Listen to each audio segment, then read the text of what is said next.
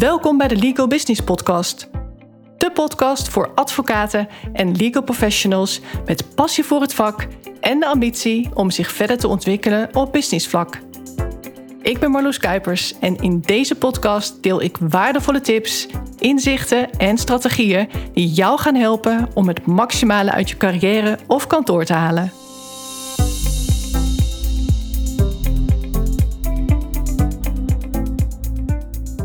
Zit het met jouw communicatieskills? Stel jij wel de juiste vragen? Ben jij wel duidelijk in wat jij van iemand wilt of wat jij nodig hebt? Zeg jij eigenlijk wat je denkt? Of ben jij inwendig aan het klagen? Weet een ander wel wat hij aan jou heeft? Realiseer je altijd wat je toezegt en wat een ander daardoor van jou verwacht? En kom je dat ook na?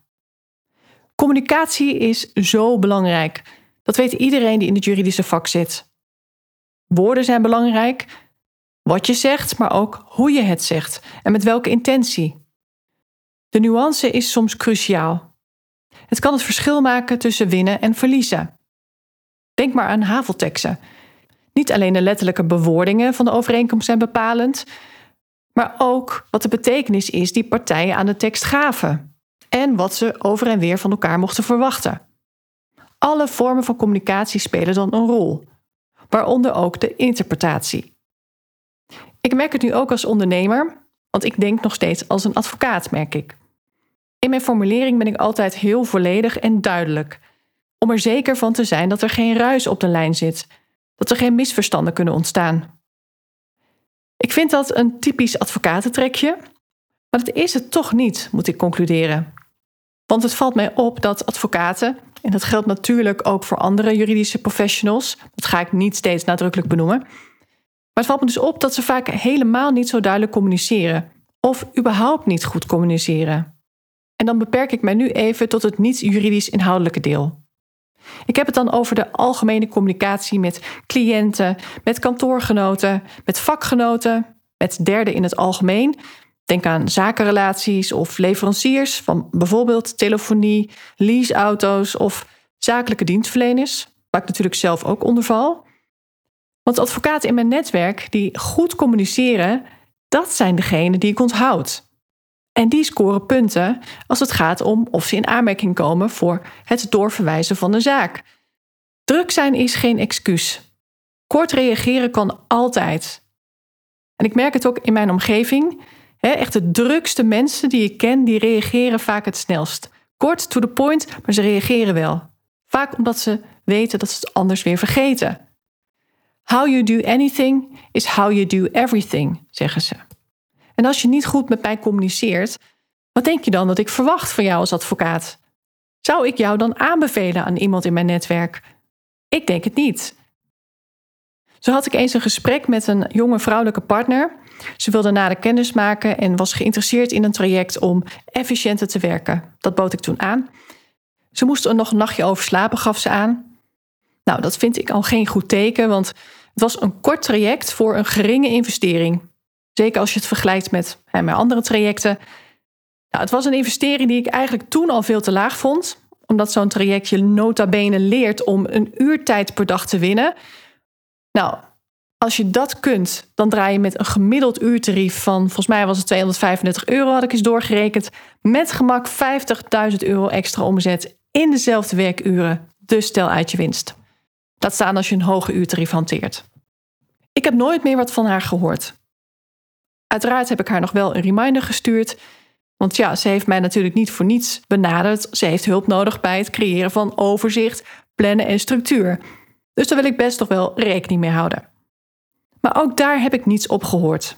En toen was eerlijk gezegd mijn bereidheid, wat enthousiasme om haar te willen helpen, ook wel verdwenen. En ja, toen heb ik het ook gewoon bij gelaten. Mijn uitgangspunt is altijd: Jij bent degene die hulp nodig heeft. Jij reikt uit naar mij. Dus dan kan het niet zo zijn dat ik het liever wil dan jij. Dus dan laat ik het erbij. En als je om zo'n geringe investering, zeker als je kijkt dus, hè, wat het je kan opleveren, als je daar zo lang over na moet denken, of überhaupt niet in staat bent om daar een beslissing op te nemen, dat getuigt niet van leiderschap. Terwijl het niet gaat om het antwoord, hè? Ja of nee, all is good. Ik zou het jammer vinden voor haar, want ze was nog maar net partner en kon het nu al bijna niet meer aan, blijkbaar. Nou, dat wordt natuurlijk alleen maar erger. Maar het gaat om het niet communiceren. Ik heb zeker een uur van mijn tijd aan haar gegeven, want we hebben een Zoom-meeting gehad. Dan vind ik het echt weinig respectvol om niets van je te laten horen. En daarnaast getuigt het, zoals ik ook al zei, van gebrekkig leiderschap. Dergelijk gedrag past niet bij een advocaat-partner. En dat bewijst ook maar weer dat er vaak echt niet goed nagedacht wordt over wanneer iemand partner zou moeten worden en wie er partner zou moeten worden. Moet dat wel degene zijn die het meest laat weten dat hij of zij dat heel graag zou willen? Of moet je als kantoorzijde zelf goed gaan observeren om te zien wie er nou echt partnerpotentie heeft? Maar misschien weet diegene het zelf nog niet. Misschien is het iemand die er op het oog niet zo mee bezig is. En wie heeft dan partnerpotentie? Dat is in mijn ogen iemand die in de basis een sterke persoonlijkheid heeft. Dat is dus niet zozeer degene die heel sterk probeert over te komen, degene die het meest aanwezig is, zeg maar. Maar het is eerder degene die zegt wat een ander niet durft te zeggen. Die misschien juist wel wat stil is als iedereen maar loopt te dollen of als iedereen om de hete brei heen draait. Maar diegene die als enige zegt waar het op staat als het lastig wordt. De echte leider. Iemand met natuurlijk overwicht. Iemand met een visie.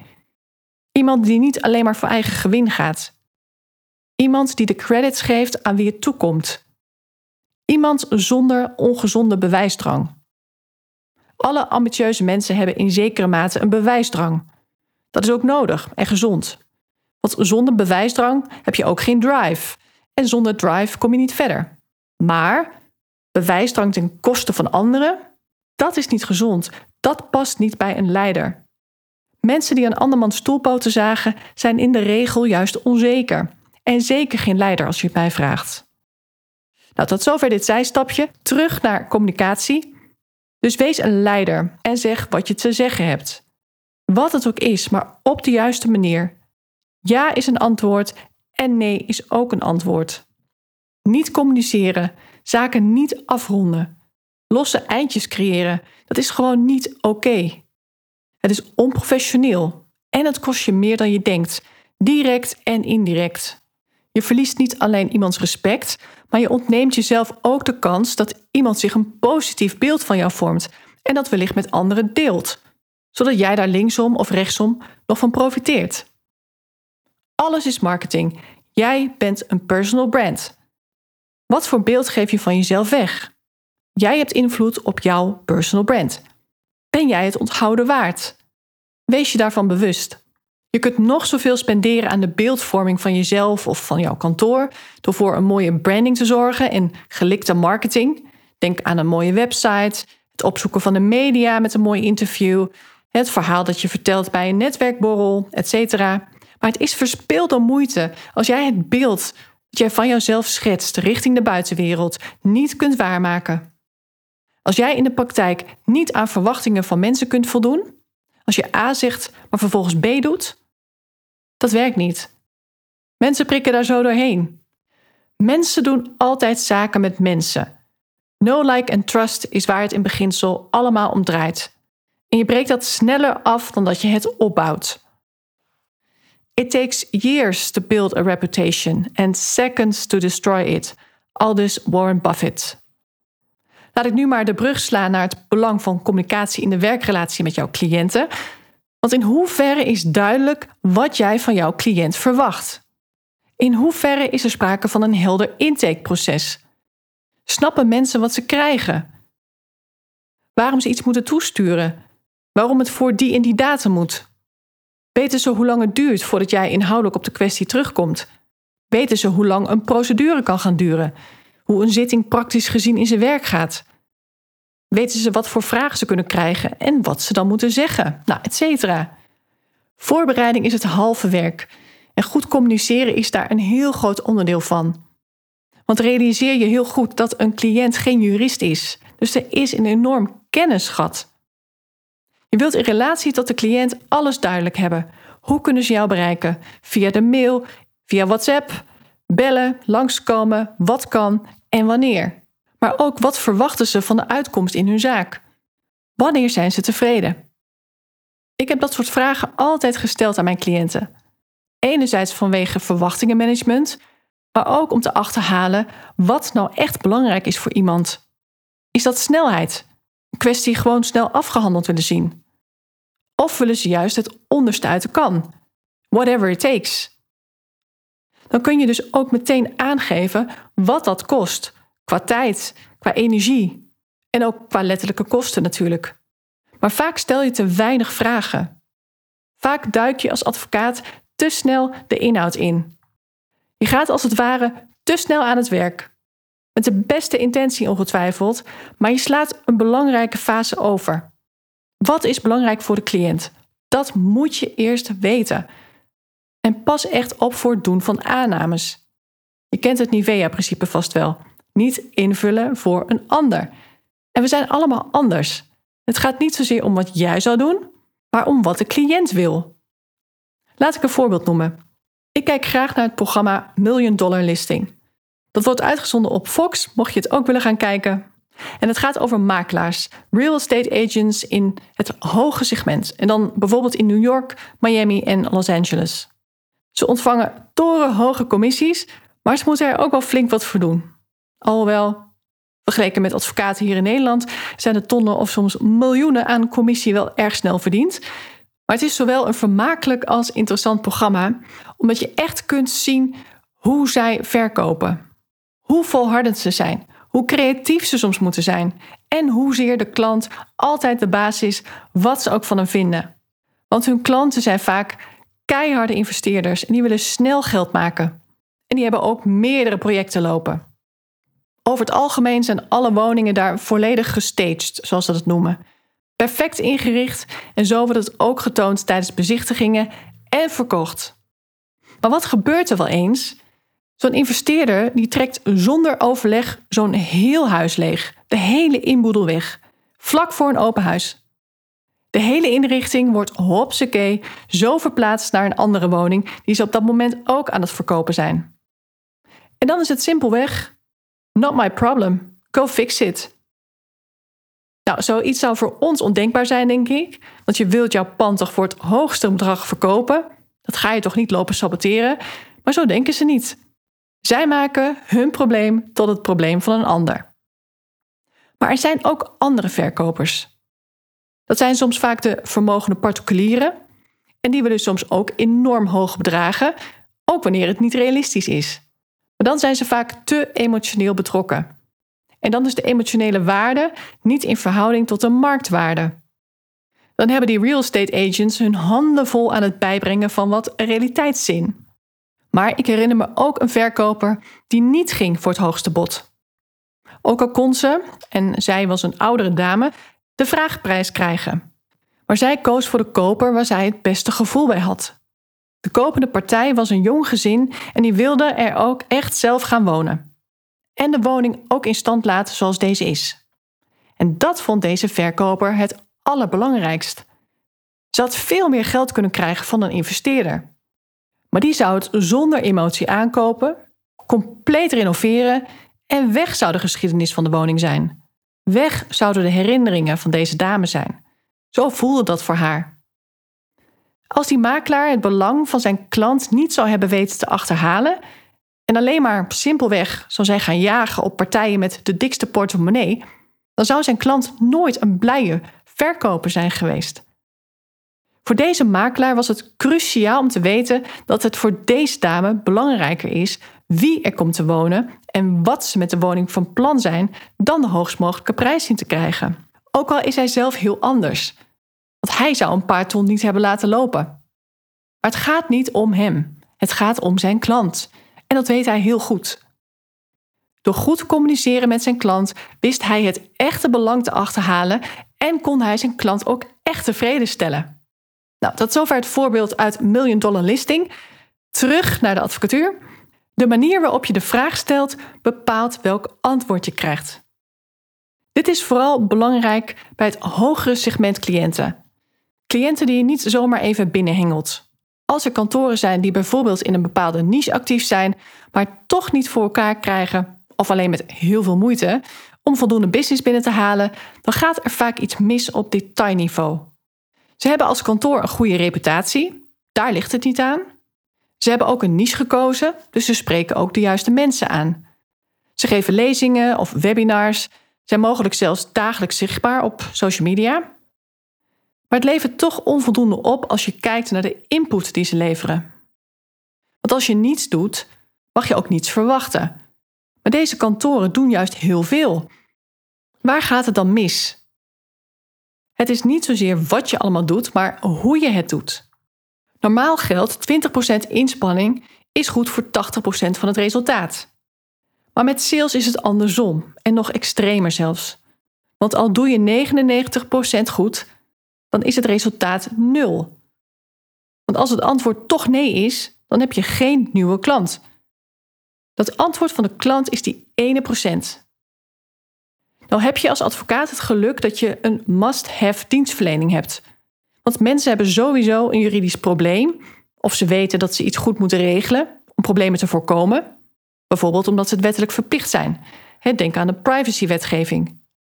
Terwijl wat ik bijvoorbeeld doe, het is eerder een nice-to-have dienstverlening. Het komt voort uit een bepaald ambitieniveau.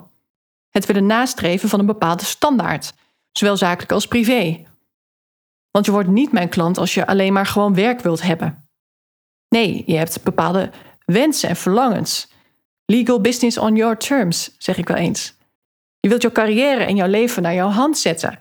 Ervoor zorgen dat jouw kantoor of carrière jouw lifestyle ondersteunt, in plaats van andersom.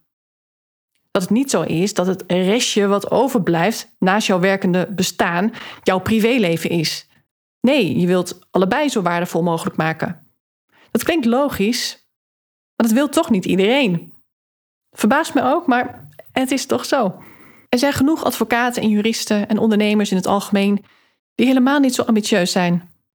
Of die helemaal niet zo streven naar kwaliteit of hoogwaardige dienstverlening. Die hebben geen behoefte om zich te onderscheiden van de massa. Of die vinden het blijkbaar geen probleem om alleen maar te werken zonder te kijken hoe je daar ook blij van kan worden. Hoe je het leuk kunt maken. Hoe je het vuurtje weer aan kunt wakkeren. Maar als jij als ambitieus kantoor echt mensen in de zaal hebt gekregen, omdat je een lezing geeft, een event organiseert of een online masterclass organiseert, dan zitten daar echt geïnteresseerde mensen die naar jou als advocaat of vaak naar een heel team komen kijken en luisteren. Want niemand gaat voor de lol naar juridische informatie luisteren. Echt niet. Dus daar zitten jouw potentiële cliënten. Daar moet toch wat uitkomen qua respons. Aanvragen voor gesprekken of op zijn minst vraagstukken die jou worden voorgelegd. Gebeurt dat niet, dan gaat er ergens iets fout. En niet zozeer qua inhoud, want de waarde die je levert als advocaat, inhoudelijk, dat zit vaak gewoon helemaal goed. Maar het kan wel zitten in de manier waarop je die kennis overdraagt. Of in de vragen die je stelt, of juist niet stelt. Gebrek aan interactie bijvoorbeeld. In de mate waarin je verbinding maakt met de aanwezigen, of dat nou fysiek is of online. Dat is allemaal communicatie. Verbaal, non-verbaal, mimiek, stem, intonatie, spreektempo. Het is altijd belangrijker hoe je iets zegt dan wat je zegt. Het maakt of het bij iemand aankomt, ja of nee. Of het überhaupt echt binnenkomt. Want we kennen allemaal wel die telemarketeers. Praten kunnen ze wel, als de beste vaak. Het rolt er allemaal heel soepeltjes uit, maar er zit nul emotie in. En daardoor krijgen ze toch vaak nul op het request. Nou, waarom doen ze het dan? Ja, sales is een numbers game. Als je 200 per dag belt, dan zegt er vast wel een keertje iemand ja. Het is natuurlijk allemaal beïnvloeding wat ze doen. En wij zijn over het algemeen intelligent genoeg om dat niet zo serieus te nemen. En om vooral ook wat kritische vragen te stellen. Dat geldt natuurlijk niet voor iedereen. Die telemarketeers zijn net geprogrammeerde robots. Je kunt de telefoon gewoon even van je oor halen en na twee minuten kun je zo weer aanhaken, want ze hebben niet eens door dat je helemaal niet zat te luisteren. Ze zitten vol in hun script. Ze zijn alleen maar aan het zenden. Ga wat jij doet dus ook niet heel geprogrammeerd brengen. Ga niet iets uit je hoofd leren wat je met één druk op de denkbeeldige knop zo kunt reproduceren. Natuurlijk is het goed om altijd iets paraat te hebben. En dat zou ik je ook altijd aanraden. Maar er is ook altijd een maatwerkcomponent wat je zult moeten toevoegen, afhankelijk van wie je voor je hebt. Bijvoorbeeld de directeur of de manager bij een bedrijf. Big difference. Of een particulier, een MKB'er of een multinational Je snapt wel dat je dan niet hetzelfde verhaal kunt vertellen om hetzelfde resultaat te verwachten bij allemaal. Je zult elk individu moeten zien te raken. Communicatie is dus maatwerk. Het zal ook eens niet, hè? Maar er gelden wel algemene regels. En als er één regel is die je niet moet vergeten, is het een hele simpele en dat is communiceer. Met jouw cliënten, maar ook intern met collega's. Ga niet over elkaar praten, maar met elkaar. Geef aan wat je van de ander nodig hebt. Onthoud ook dat mensen geen gedachten kunnen lezen en dat iedereen anders is. Even een voorbeeld uit mijn eigen praktijk. Ik help een team van advocaten onder andere met het optimaliseren van hun LinkedIn-profiel. Ik had een van de advocaten een heel duidelijk format gegeven en instructies voor de inhoud, waarna ze een opzet kon maken voor de headline en het infoblok. Na ontvangst daarvan zou ik het gaan bekijken en daarna zouden we in een één op één sessie verder gaan. Maar die uitwerking die ontving ik niet. Dus de afspraak heb ik uitgesteld. Lang verhaal kort. We hebben nog wat over en weer gemaild, maar ik begreep niet waarom zij nou zo moeilijk deed. Want zij wilde in gesprek zonder die voorbereiding aan te leveren. Uiteindelijk hebben we gebeld en wat bleek nou? Hoe duidelijk ik ook was, want in mijn beleving kon ik niet meer toelichting geven dan wat ik had gezegd. Het was voor haar gewoon heel lastig om over zichzelf iets te zeggen. Dat was een van de eerste zinnen die ze tegen me zei, om die vertaalslag te maken. Ze zou enorm geholpen zijn met een concreet voorbeeld. En voilà, nu zijn we er. Nu zei ze concreet wat ze van mij nodig had en kreeg ze dat ook direct. Ze kon er toen mee verder en heeft ook een prima uitwerking aangeleverd. Maar ze communiceerde niet concreet wat het probleem was. En als ik lees, ik heb erover nagedacht, maar ik ben er niet aan toegekomen om het ook uit te werken, dan denk ik natuurlijk: hé, hey, jij vraagt mij om hulp, maar het heeft blijkbaar niet jouw prioriteit. En die conclusie die mag ik ook trekken als ik letterlijk lees wat er staat. Als ik had gelezen dat ze het lastig vond, dan had ik gevraagd: hey, wat zou je helpen? Wat heb je nodig? Want over bepaalde dingen zou iemand toch echt zelf moeten nadenken. En welk soort zaken doe je het liefst? Wat is jouw onderscheidende expertise? Dat soort vragen kan ik niet voor iemand beantwoorden. Maar als dat toch lastig is, dan kan ik iemand heus wel nog gerichter op weg helpen. Maar ik moet het wel weten. Dus dit is een mooi voorbeeld van duidelijk communiceren. Gewoon zeggen wat je nodig hebt van iemand. En dat is gewoon de kortste weg. Dan krijg je gewoon wat je nodig hebt. En voor mij is dit ook weer een les. Want je onderschat soms je eigen kennisniveau. Of je veronderstelt dat iets de basis is, maar voor anderen is dat toch niet zo. Terwijl in dit geval ook nog meespeelde dat een marketingafdeling van haar vorige kantoor dit profiel helemaal geoptimaliseerd had. Dus zij dacht dat het om slechts de puntjes op de i ging. Terwijl ik het dus wat grondiger wilde aanpakken. Dat was ook verwarrend blijkbaar. Terwijl alleen de titel advocaat met een specialisme daarachter toch echt onvoldoende is tegenwoordig. Daarmee onderscheid je jezelf niet van de rest. Maar vind je iets lastig, zeg het dan. Vind je een kantoorgenoot oncollegiaal, kaart het dan aan, voordat je een negatieve houding gaat aannemen richting die ander. Want dat gebeurt toch vaak onbewust. Spreek je uit, klaar de lucht. Dat is ook leiderschap. Stiekem roddelen is een teken van zwakte. Don't do it. Het levert je ook niks op. Het verandert de situatie namelijk niet. Open communiceren doet dat wel. Ik ga je even aan het denken zetten, want ik heb veel gezegd over communicatie vanuit allerlei invalshoeken. Heeft dat je bepaalde inzichten gegeven? Heb je een helder beeld over hoe jij zelf communiceert?